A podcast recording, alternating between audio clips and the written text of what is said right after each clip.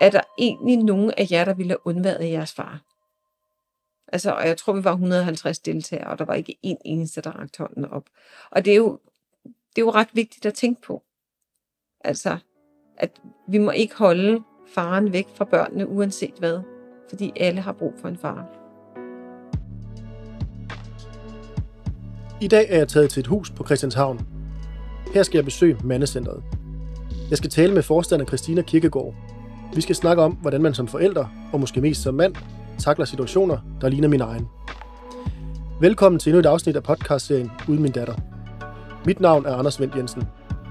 Jeg har skrevet og udgivet bogen Uden min datter, syv års kamp for samvær. Den handler om, at min datters mor effektivt har forhindret mig i at få kontakt til vores datter. Den historie kan du høre mere om i det første afsnit af denne podcastserie. Du kan også læse den i min bog, der kan købes på saxo.com. Vi skal nu høre Christinas erfaringer med at hjælpe de mænd, der henvender sig til mandecentret. Hvordan bliver man som forælder påvirket, når man er en del af en konflikt om børnene? Hvordan reagerer man i en krise? Og ikke mindst, hvordan kommer man videre fra den?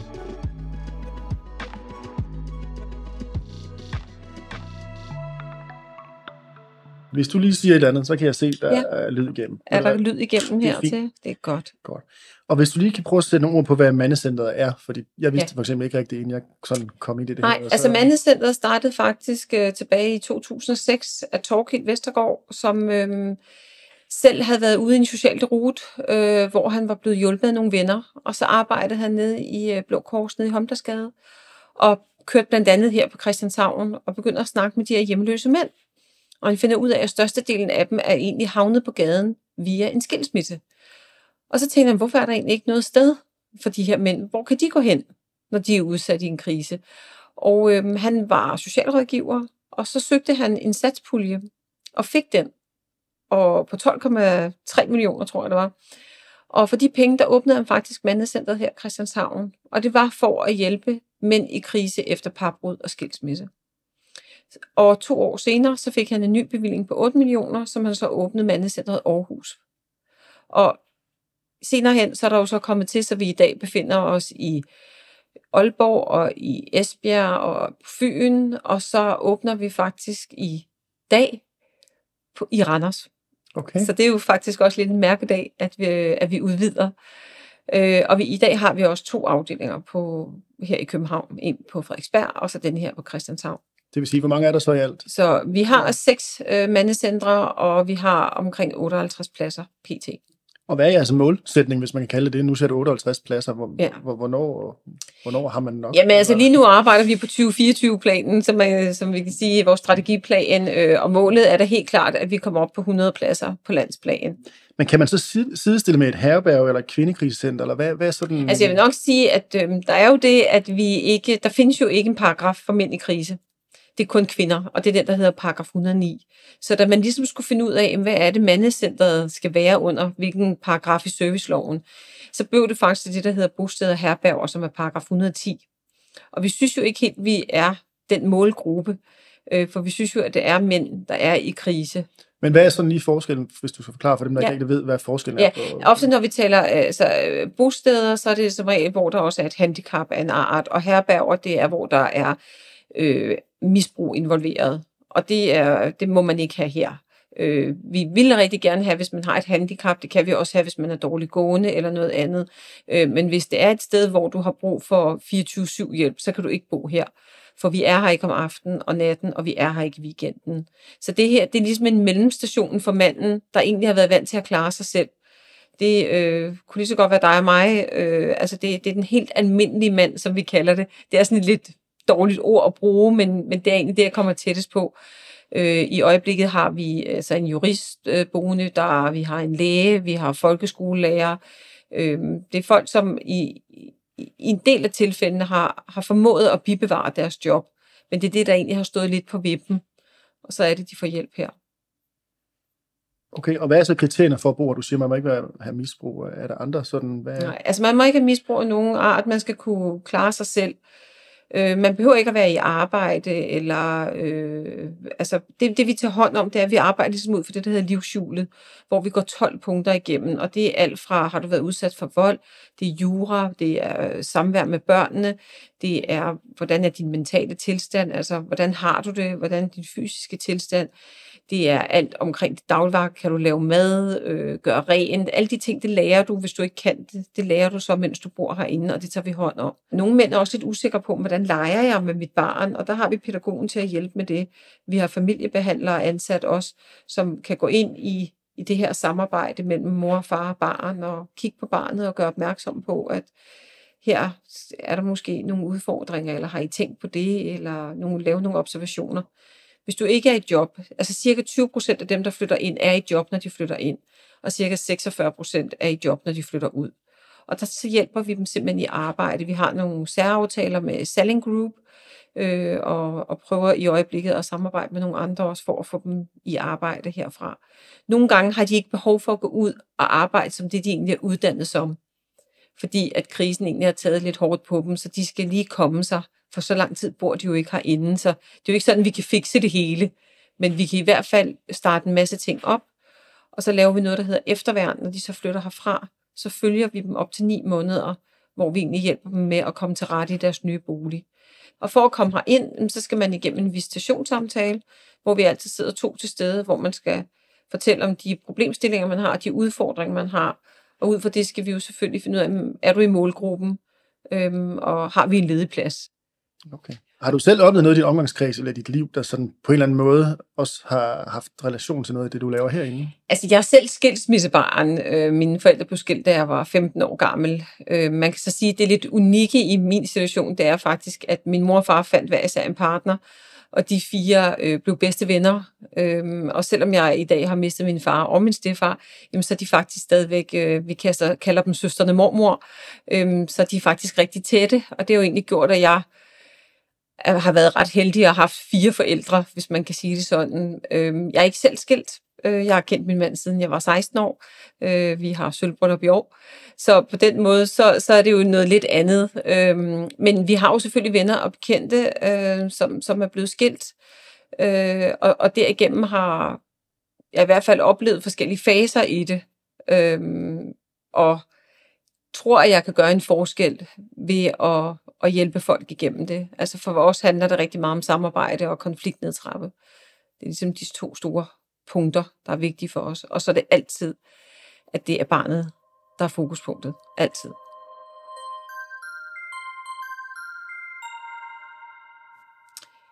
I 70 procent af tilfældene, så er det kvinden, der beder om skilsmisse.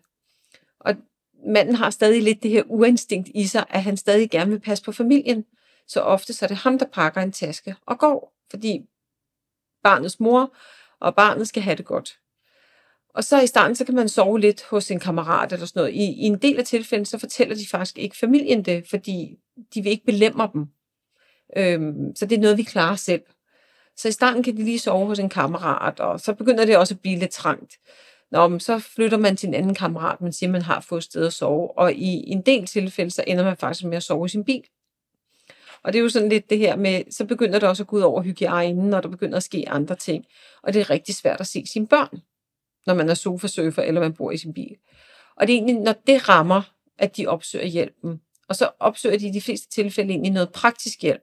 Altså i forhold til, hvordan får jeg samvær med mine børn? Øh, hvad gør jeg, når jeg ikke har noget sted at være? Øh, hvordan deler vi med bopælen og så videre. Og så fortæller vi om, at vi egentlig har et sted, de kan bo. Og så flytter de ind her, og det er der roen kommer, og de har et fast sted at være sammen med deres børn, at de kan bibevare den her utrolig vigtige kontakt, fordi mor og far er lige vigtige. Det må vi aldrig glemme. Øh, så det er egentlig derigennem. Og hvor mange dage bor man her så i gennemsnit? I gennemsnit øh, omkring fire og en halv måned. Okay. Og må der komme kvinder på et mandecenter? Ja, det må der. Vi er halv at være ansat, og ja. vi gør faktisk rigtig meget ud af, at børnenes mor kommer her og ser stedet. Fordi vi har nok alle sammen en idé om, hvad det kunne være. Så det er meget godt at komme ind og se det selv. Der er dejlig belysning, der er tv-stue, øh, velindrettede værelser, øh, børnerum. Så, så på den måde, så, så synes vi faktisk, det er vigtigt. Hver tirsdag spiser vi sammen her på Christianshavn om torsdagen på Frederiksberg. Og der er øh, hvad det er, ekskonerne eller familiemedlemmer, eller hvad det er, de er faktisk velkommen til at komme og spise med. Er det sådan, at I ligefrem oplever nogle konflikter, hvis der kommer nogen? Eller, eller, Nej, tværtimod. Altså, okay. vi oplever ret tit, at kvinderne faktisk bliver overrasket over, hvor, hvordan det er her. Og også det her, for os handler det jo ikke om at tage parti. Mm. Altså, det handler om at få det bedste ud af en rigtig dårlig situation. Og så handler det om, hvor er der nogen, der hører og ser barnet, som der er der, og hvordan kan vi hjælpe mor og far med det. Er der så ligefrem nogen, der finder sammen igen, efter de har været her, eller flytter ja, hjem vi, igen? Vi har eller? faktisk vi har, en, vi har nogle stykker, der flytter hjem igen, og vi har også haft et par stykker, der har flyttet sammen. Der, hvor vi har størst succes, det er egentlig også, at vi har parsamtaler. Og parsamtaler i den forbindelse af, jamen nu har vi valgt at blive skilt. Hvad kan vi så gøre for, at vi egentlig får en ordentlig skilsmisse? Hvordan kan vi blive ved med at tale pænt til hinanden? Hvordan kan vi lave en ordentlig deling med børnene? Og der går vi også ind og hjælper. Og så sidder vi som regel en mand og en kvinde fra mandecentret med, så man også føler, at det ligesom er lige, og det er der rigtig mange kvinder, der faktisk øh, er glade for. Men nu siger du selv, at der er fine forhold og så videre. Er det det, for folk forventer, når de kommer ind ad døren øh, til et mandecenter? Jamen altså, de, de, vi bliver jo, altså ofte bliver vi jo sammenlignet med mændenes hjem. Ja. Fordi de ligger så tæt op ad hinanden med navnene, og det er også derfor, at der er en del, der er sådan lidt, ej, skal mine børn der ind? Så de bliver sådan lidt, åh, men når de så kommer ind og ser det, så er det jo faktisk en positiv oplevelse. Og Mændenes Hjem, hvad er det, hvis du lige går? Mændenes Hjem, det er et herberg for alkoholikere og misbrugere, hvor man sover i sovesal. Mandecentret er ikke særlig kendt, desværre. Vi kæmper for det, øh, men der er rigtig mange, der ikke kender til os. Og vi er jo noget af det eneste i landet, der findes. Vi, der er et krisecenter for mænd i Fredericia og et for Horsens, som fungerer under satspuljemidler. Vi er jo godkendt af Socialtilsynet og er selvvisiterende. Det vil sige, at kommunerne betaler for, at mænd er ophold her. Men vi gør rigtig meget ud af at have et godt samarbejde med kommunerne, så de også henviser til os, så vi hurtigt muligt kan få manden videre og øh, i, i gang med den nye del af sit liv.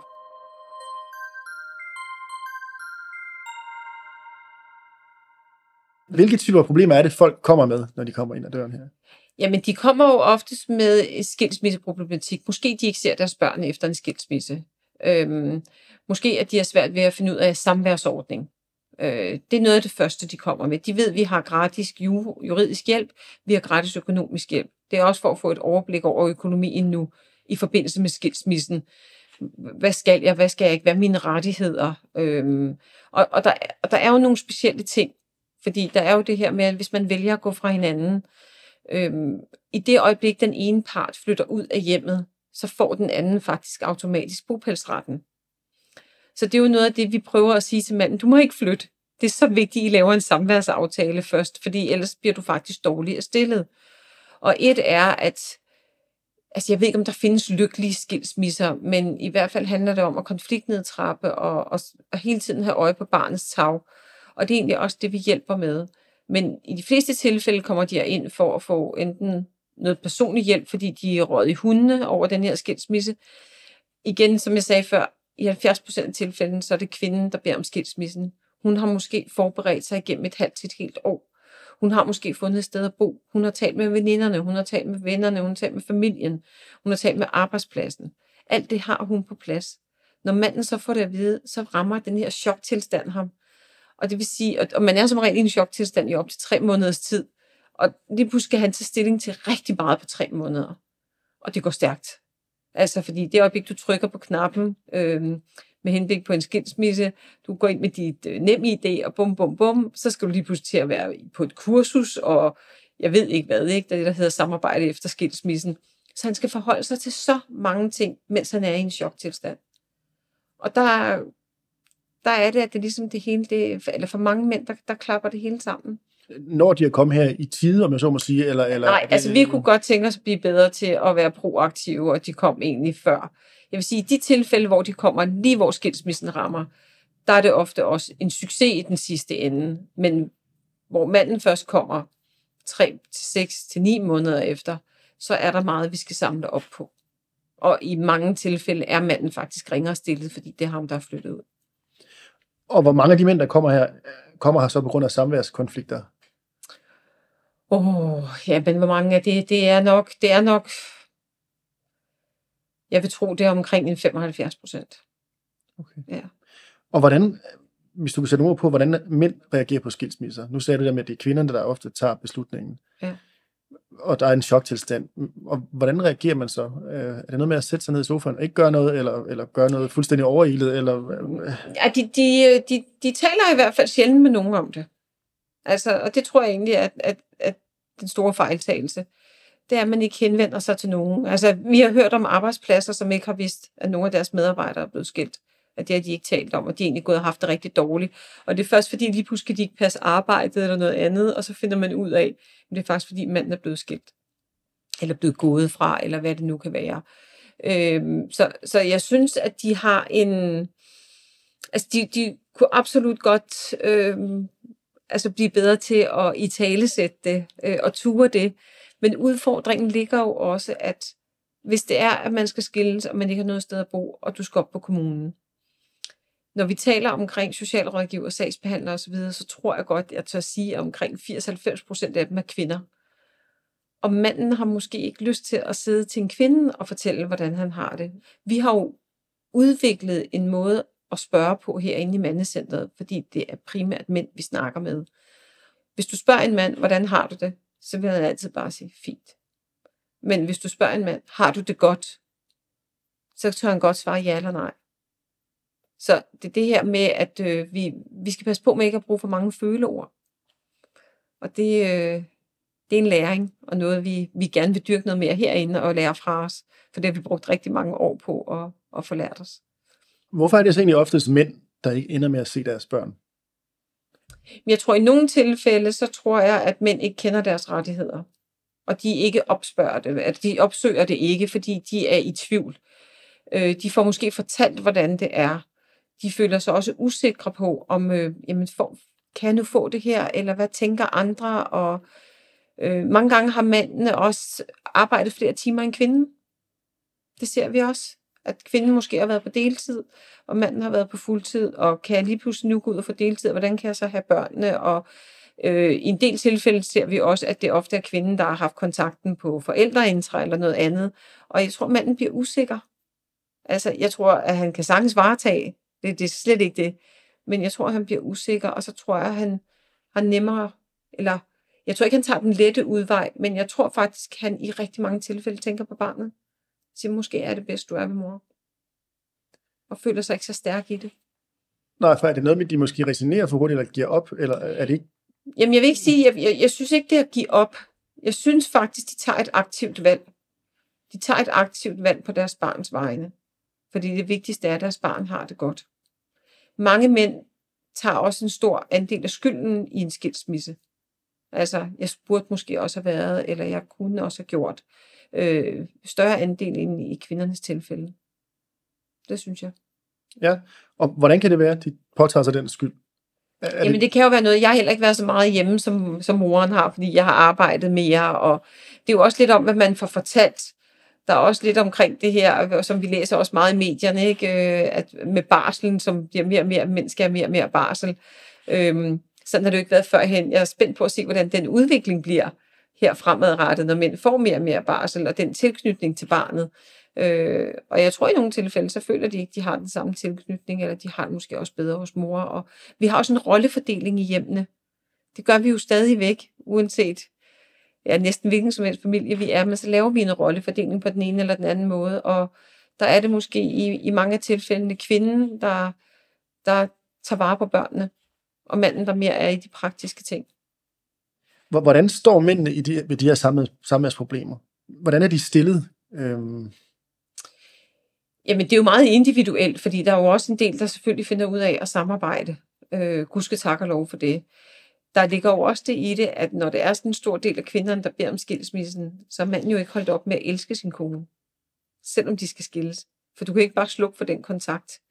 Og det vil sige, at mange mænd går også på et kompromis, et meget stort kompromis, som de ikke helt er klar over nogle gange, hvad konsekvensen er af det. Og det finder de først ud af meget senere. Så kan man sige, at mænd går med til, at de ikke ser deres børn så meget af forskellige årsager. Hvad gør det så ved en mand? Jamen, for det første er der et stort afsavn. For det andet, så skal de til at redefinere deres farrolle. Hvilken slags far vil jeg gerne være, når jeg ikke ser mine børn så tit. Vi taler jo rigtig meget ind i, at det er ikke en, vi tager på tur far. Altså, der ligger også andre elementer i det. Det handler også om at give sine børn nogle værdier. Det handler også om at snakke omkring ens mening og holdninger til livet. Det skal man også give sine børn med, selvom børnene egentlig er små. Øh, det handler om at få et så godt samarbejde med moren, hvis det er hende, der primært har børnene. Øh, vi anbefaler, at man spiser sammen et par gange om ugen, eller en gang om ugen i hvert fald, så børnene også får at se, at mor og far kan godt samarbejde. Øh, og der ligger jo et afsavn, og det ændrer sig jo også i takt med, at barnet bliver ældre. Så kan det godt være, at barnet lige pludselig har mere brug for faren. Øh, jeg, vi, jeg har personligt et vennepar, hvor at de er blevet teenager, og hvis mor siger nej, så flytter jeg bare hjem til far. Og der er det jo vigtigt, at mor og far kan samarbejde og sige, nej, det er ikke sådan, det fungerer. Øhm, så, så der er jo hele tiden nye udfordringer. Men igen, i bund og grund handler det jo om samarbejde. Og det handler om, at faren han også lærer, at han er vigtig. At han er vigtig i barnets liv.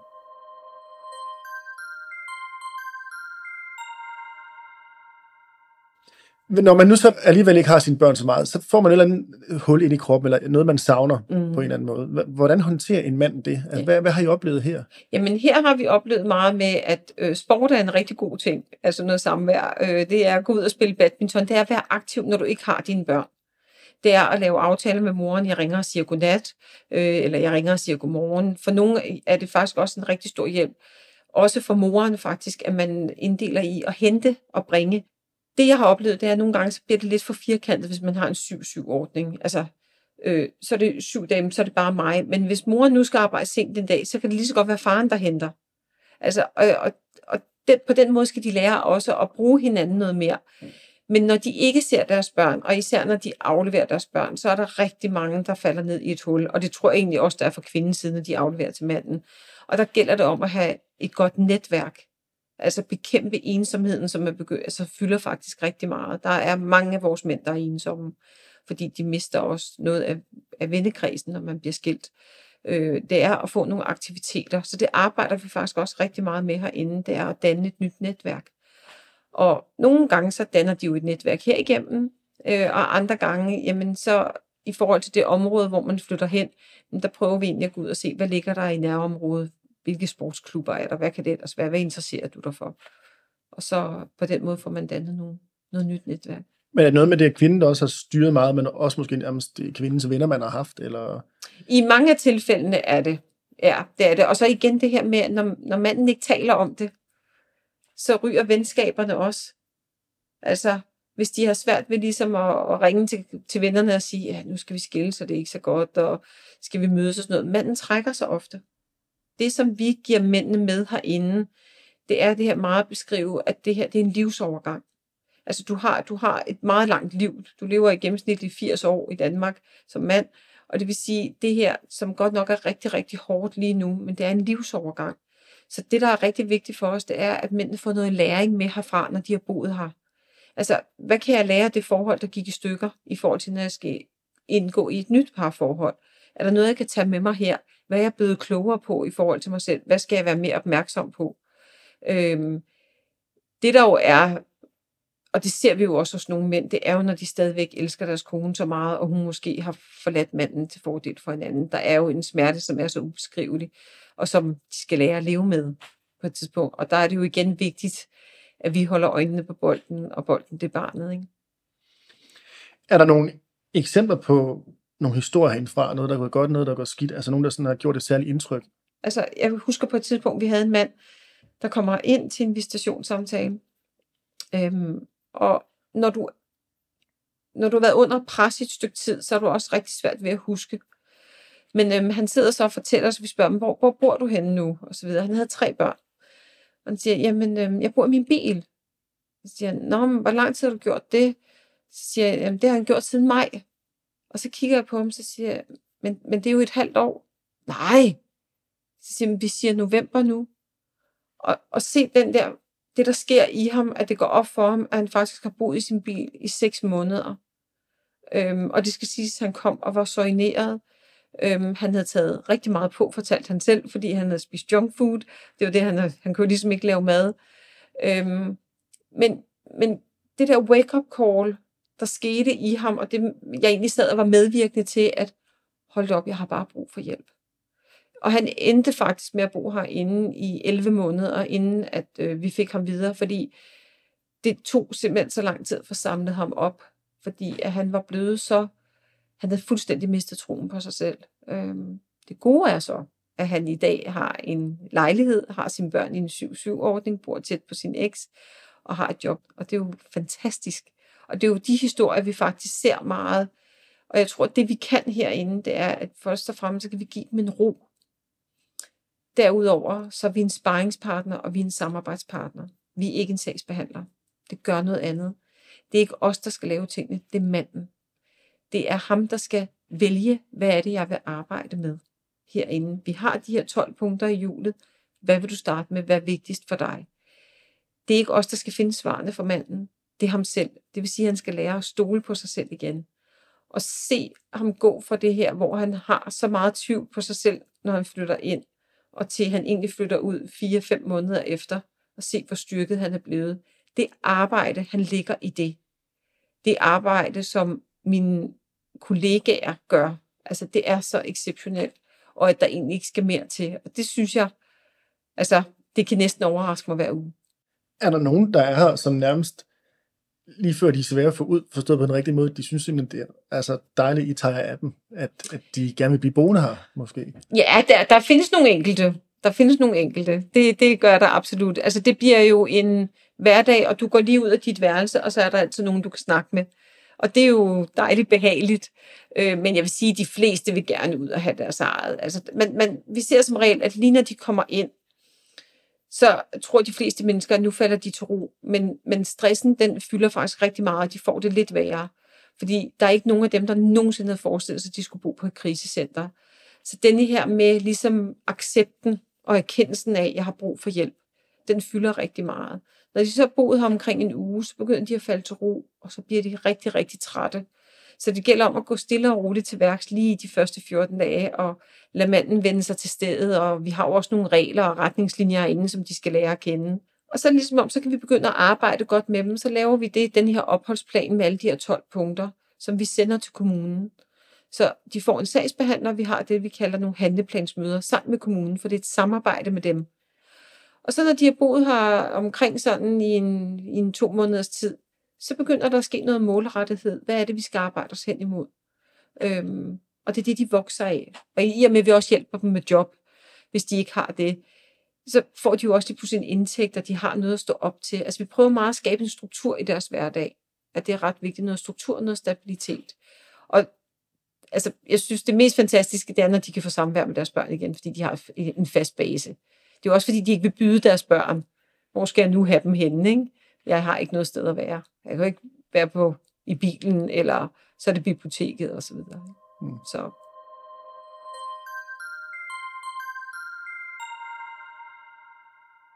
Hvordan hjælper I så folk videre, når det gælder samvær? Altså, tager I med i, i familieretshus, eller hvor, hvor meget rådgiver I? Hvor, ja, hvad altså I? vi har jo, dels så har vi jo, altså vores personale er jo uddannet i at gå med i, i familieretshuset. Og så har vi jo en øh, jurist, som kommer herinde gratis, eller advokat, øh, Michael Naumann, som også gerne tager sagerne, og han gør det faktisk rigtig billigt øh, fordi det er hans måde ligesom at give tilbage til samfundet. Øh, det, har han, det har han opdraget med af sin far, at man hjælper dem, man kan. Så det gør han faktisk herinde. Han sidder herinde hver fredag og øh, vejleder og rådgiver. Og i nogle tilfælde, så siger han også, det her, det kan du godt opgive. Øh, det, der er sket her, det er sådan og sådan, som, som tingene ser ud. Og i andre tilfælde, der er, jamen, det her, det er faktisk noget, vi kan gå videre i retten med. Det her vil vi godt føre helt til dørs. Øhm, det pussy er faktisk lidt, at vores advokat anbefaler meget, at advokater skal ikke med til de første møder. Fordi det er faktisk at konfliktoptrappe. Så så vidt muligt man egentlig kan tage en god ven med, eller gå alene begge parter eller noget andet, jo større chance er der egentlig for at lave en god aftale. Hvad er så jeres opfattelse af familieretshuset? Jamen familieretshuset, øhm, altså jeg vil sige, at der hvor vi er lige nu, de gør jo hvad de kan. Øh, jeg tror, det er kommet lidt bag på dem. Der, der kom så mange nye retningslinjer, og man ændrede reglerne i forhold til skilsmisse osv. Så, videre. så jeg synes faktisk, altså selvfølgelig kunne det blive bedre, men de er blevet gjort opmærksom på problemstillingerne, og de ansætter en masse flere mennesker. Men for de mennesker, der står i det, forstår jeg udmærket deres frustration. Men fornemmer I, at der er en reel forskel på statsforvaltningen og, og så familieretshuset? Nej, nej, det har vi ikke set endnu. Det har vi ikke. Hvad er jeres oplevelse i forhold til, om mænd har de svært ved at begå sig og blive hørt i, i systemet, altså familieretshuset, øh, som nogle mænd påstår? Eller... Altså, vi har jo ikke haft så mange sager endnu, faktisk, fordi der er så meget ventetid. Øhm, jeg vil sige, der hvor de er gode, det er, at de her første møde, de kommer til, kan de selv nå til en enighed. Øhm, I det tilfælde, der synes jeg faktisk, at manden han føler sig hørt. Men i de tilfælde, hvor at de ikke kan komme til enighed, så er det jo, fordi her ligger en konflikt. Her vil vi ikke gå på et kompromis, nogen af os, eller den ene føler det uretfærdigt, eller hvad det nu kan være. Og så er der jo en ventetid på fem måneder i øjeblikket, som det ser ud, så de får det jo ikke hørt. Og den ventetid, det er jo den, der ofte går ud over manden, da vi meget sjældent har en mand boende herinde, som har bopælsretten. Det er faktisk som regel kvinden. Og jeg vil sige, i 2019, der endte vi med at have to mænd ud af de, jeg tror vi havde omkring 55 mænd boende her sidste år, som fik bopælsretten. Så det er jo en meget lille andel. Og når det er, at det er kvinder, der har bopælsretten, så er det jo også begrænset, før sagen er afsluttet, hvor meget de kommer til at se deres børn. Så der betaler de jo en stor pris. Og det gør børnene jo også. Og, og hvordan kan man så forhindre, at forældre og børn ender i de her situationer? Det er klart, der er nogle konflikter, der formentlig er uløselige, men, ja. men der er jo noget, der kan gøres. Jamen, ja, altså jeg synes jo, det forebyggende arbejde er ret vigtigt. Øh, nu har man så indført, at man skal igennem det her kursus, samarbejde efter skilsmissen, men det er jo et online kursus, så man egentlig sidder i hver sit rum og gennemfører. Øh, I Norge har man jo rigtig, rigtig øh, stor succes med, at man faktisk går i nogle parsamtaler i seks måneder, inden man kan blive skilt. Og det er noget, vi i hvert fald kigger på øh, og ser, kan, kunne det være en mulighed? Øh, er det der, vi skal komme med vores besøg? Øh, det vi prøver herinde, det er i hvert fald også, øh, vi inviterer altid til en par samtale, når der kommer en mand herind og siger, tror du, at din ekskone eller kommende ekskone har lyst til at komme herind og snakke øh, med os? Og vi har faktisk en hel del tilfælde, hvor de har fundet sammen igen. Øh, hvor man de har lært at kommunikere med hinanden. Øh, og i nogle tilfælde kan det selvfølgelig ikke lade sig gøre. Hvis du skulle give politikerne et godt råd i forhold til, hvordan man kunne ændre det her system, ja. hvad, hvad vil du Jamen helt klart mere forebyggende arbejde. Det synes jeg. Ja. Hvordan påvirker mandecentret øh, systemet, med så må sige, i den retning? Jamen, vi, vi arbejder jo rigtig meget med at have kontakt til politikerne. Øhm, vi er blandt andet kommet med i et øh, socialpolitisk nævn, øh, hvor at vores meninger også kommer, kommer til ord. Øh, det der jo er, det er jo stadigvæk altså, nyt for en masse, at mænd også kommer i krise, og mænd også står i den her situation. Så og der er det jo vores øh, opgave at gøre opmærksom på, at der også findes mænd i krise, og at vi findes, øh, og der egentlig skal være, være lige regler for alle. Øh, der er ikke nogen, der skal diskrimineres, hverken mænd eller kvinder. Vi vil bare godt have lige regler for alle. Og det er der ikke i dag. Lige nu, der arbejder vi rigtig meget på, at øh, der skal være nogle midler til ambulante, øh, hvad det kriseramte, og der, det er også primært kvinder, hvor vi har måttet gøre opmærksom på, at der findes faktisk også mænd, som har brug for den her hjælp. Og jeg tror ikke, det er så meget for, at politikere ikke vil. Jeg tror simpelthen bare ikke, at de er bekendt med det, mange af dem.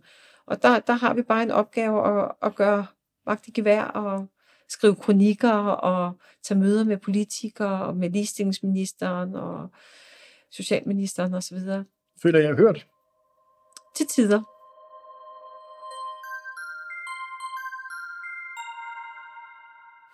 Hvad er dit råd til, til mænd og forældre, der er i de her, de, de her situationer?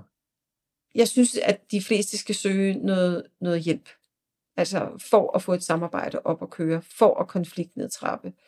Øhm, jeg tror, jeg synes, jeg hører mange af dem, de siger, at vi, jamen, det kan vi godt selv. Og i de færreste tilfælde, så, så kan det lade sig gøre selv. Der opstår nogle ting. Øh, det er bitte små ting, der kan vokse så store. Øh, Øh, det handler om at kunne tale sammen, det handler om at kommunikere på en ordentlig måde, det handler om at respektere hinanden.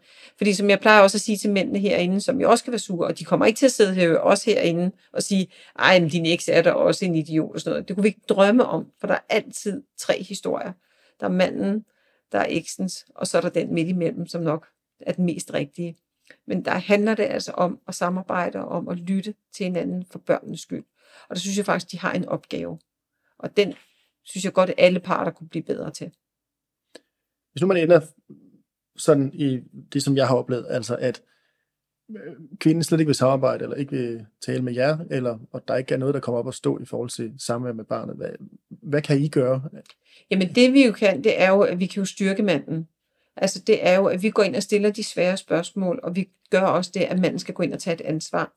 Det vil sige, at vi er, vi er den, lidt den kritiske røst. Altså, og det er noget med at få styrket manden til, hvad er det, du gerne vil i den her situation. Øh, og vi har jo også nogle svære sager, det er jo slet ikke det. Øh, og der er ventetider i familieretshuset osv. Der, hvor vi kan gå ind og hjælpe en mand, det er at lytte. Det er at sørge for, at han kommer ud og går tur hver dag. Det er, at han får passet sit arbejde. Altså de er helt basale ting, at vi bliver ved med at holde fast i dem. At han ikke går i hundene.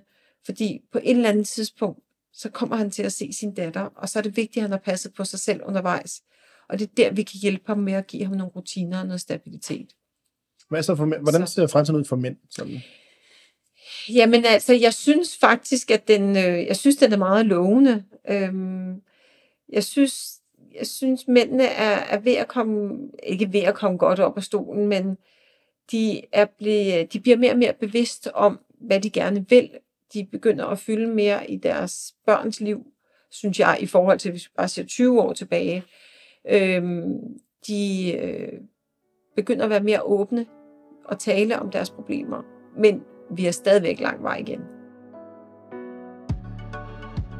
Tak til Christina fra Mandecenteret for at tage sig tid til at tale med mig. Netop det med at tale er noget af det vigtigste for at komme videre og igennem den krise, man står i.